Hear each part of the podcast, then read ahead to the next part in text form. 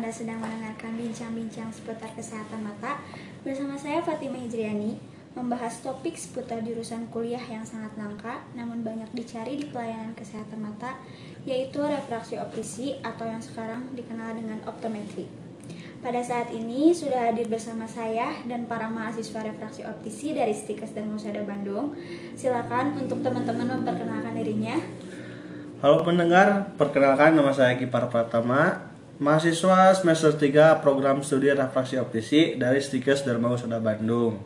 Halo, saya Vicky Nurmala, mahasiswa semester 3 program studi refraksi optisi Stikes Dharma Husada Bandung. Halo, nama saya Muhammad Raihan Nur Salam, mahasiswa semester 3 program studi D3 refraksi optisi dari Stikes Dharma Husada Bandung. Uh, sebenarnya alasan teman-teman mahasiswa kuliah di RO ini apa ya alasannya?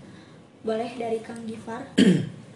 Kalau alasan saya pribadi, karena saya mendengar dari orang lain bahwa lapangan pekerjaan refraksi optisi ini sangat luas dan belum banyak peminatnya, sehingga peluang kerjanya pun sangat tinggi dan dibutuhkan di mana-mana. Kalau menurut saya, uh, mungkin sama uh, sama Kang Gifar, karena Jurusan refraksi optisi adalah jurusan kesehatan yang masih sedikit sekali lulusannya sehingga peluang bekerjanya masih sangat luas uh, dan membuat saya tertarik untuk kuliah di refraksi optisi. Meskipun keluarga tidak ada silsilah dari optik, saya uh, ingin mencoba di bidang yang berbeda dengan keluarga saya uh, dan salah satu alasan saya ingin uh, kuliah di refraksi juga karena di daerah saya adalah daerah yang masih minim sekali pelayanan di bidang kesehatan mata sehingga hmm, apa saya ingin membantu meningkatkan pelayanan di bidang kesehatan mata uh, dan berharap suatu saat bisa membuka usaha optik sendiri di daerah saya seperti itu. Kalau boleh tahu, Teh emang asalnya dari mana ya? Asal saya dari Lampung. Saya dari Lampung Selatan. Saya tinggal di uh, kota Kalianda. Nah, di kota Kalianda sendiri itu masih sangat sedikit sekali uh, optik yang ada di sana dan tidak semua optik juga di sana memiliki standar uh, standar stand mm, standar refraksi optisi sehingga saya ingin sekali uh, membantu meningkatkan pelayanan kesehatan di, uh, di daerah saya hmm. seperti itu. Mungkin selanjutnya dari Kang Rehan alasan masuk di refraksi optisi. Nah kalau saya alasannya tidak lain tidak bukan disuruh oleh orang tua karena orang tua mempunyai latar belakang uh, usaha optik sehingga uh, beliau beliau menyuruh saya untuk masuk ke jurusan tersebut untuk melanjutkan usaha orang tua.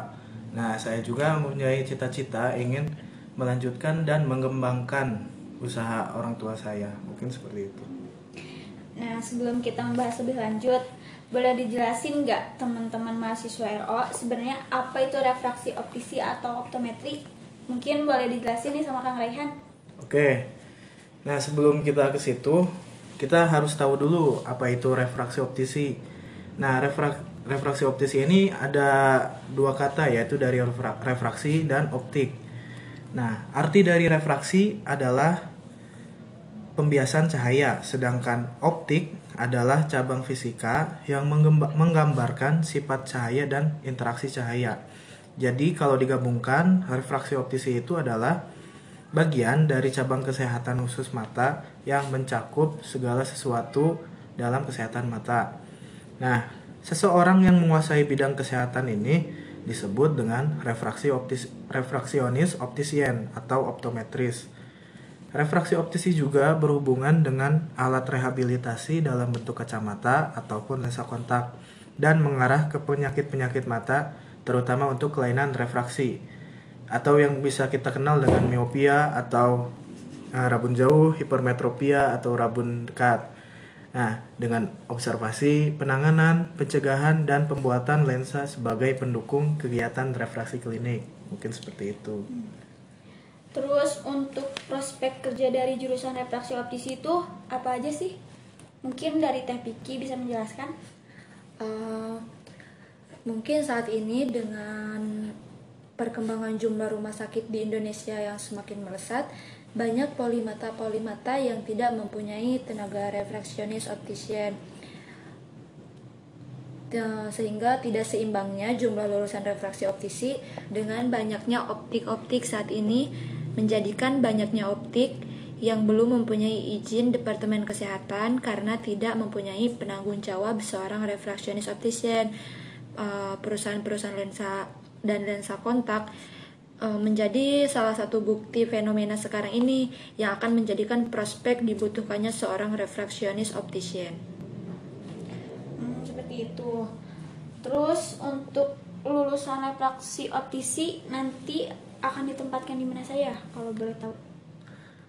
Eh, sarana tempat kerja seorang refraksi optisi atau optometris yang sudah lulus pendidikan dari D3 refraksi optisi untuk saat ini bisa bekerja di rumah sakit umum, rumah sakit khusus mata, rumah sakit TNI Polri, BK, BKMM, klinik mata, puskesmas, eh, unit pelayanan kesehatan lainnya, bisa di Alkes, dan bisa juga menjadi PNS, bisa di optikal, perusahaan lensa kacamata, perusahaan lensa kontak, laboratorium lensa dan lensa kontak, dan juga bisa di institusi pendidikan atau menjadi dosen.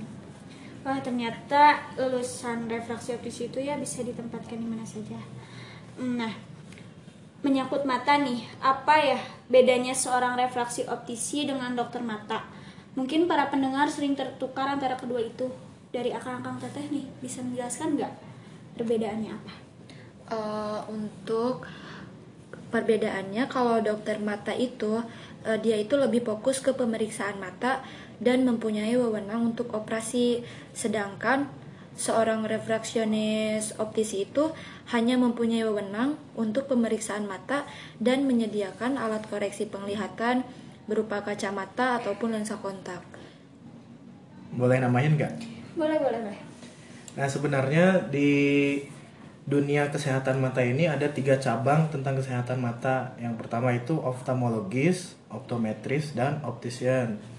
Nah yang pertama oftalmologis. Oftalmologis itu sering kita kenal dengan dokter mata yang sekarang-sekarang ada.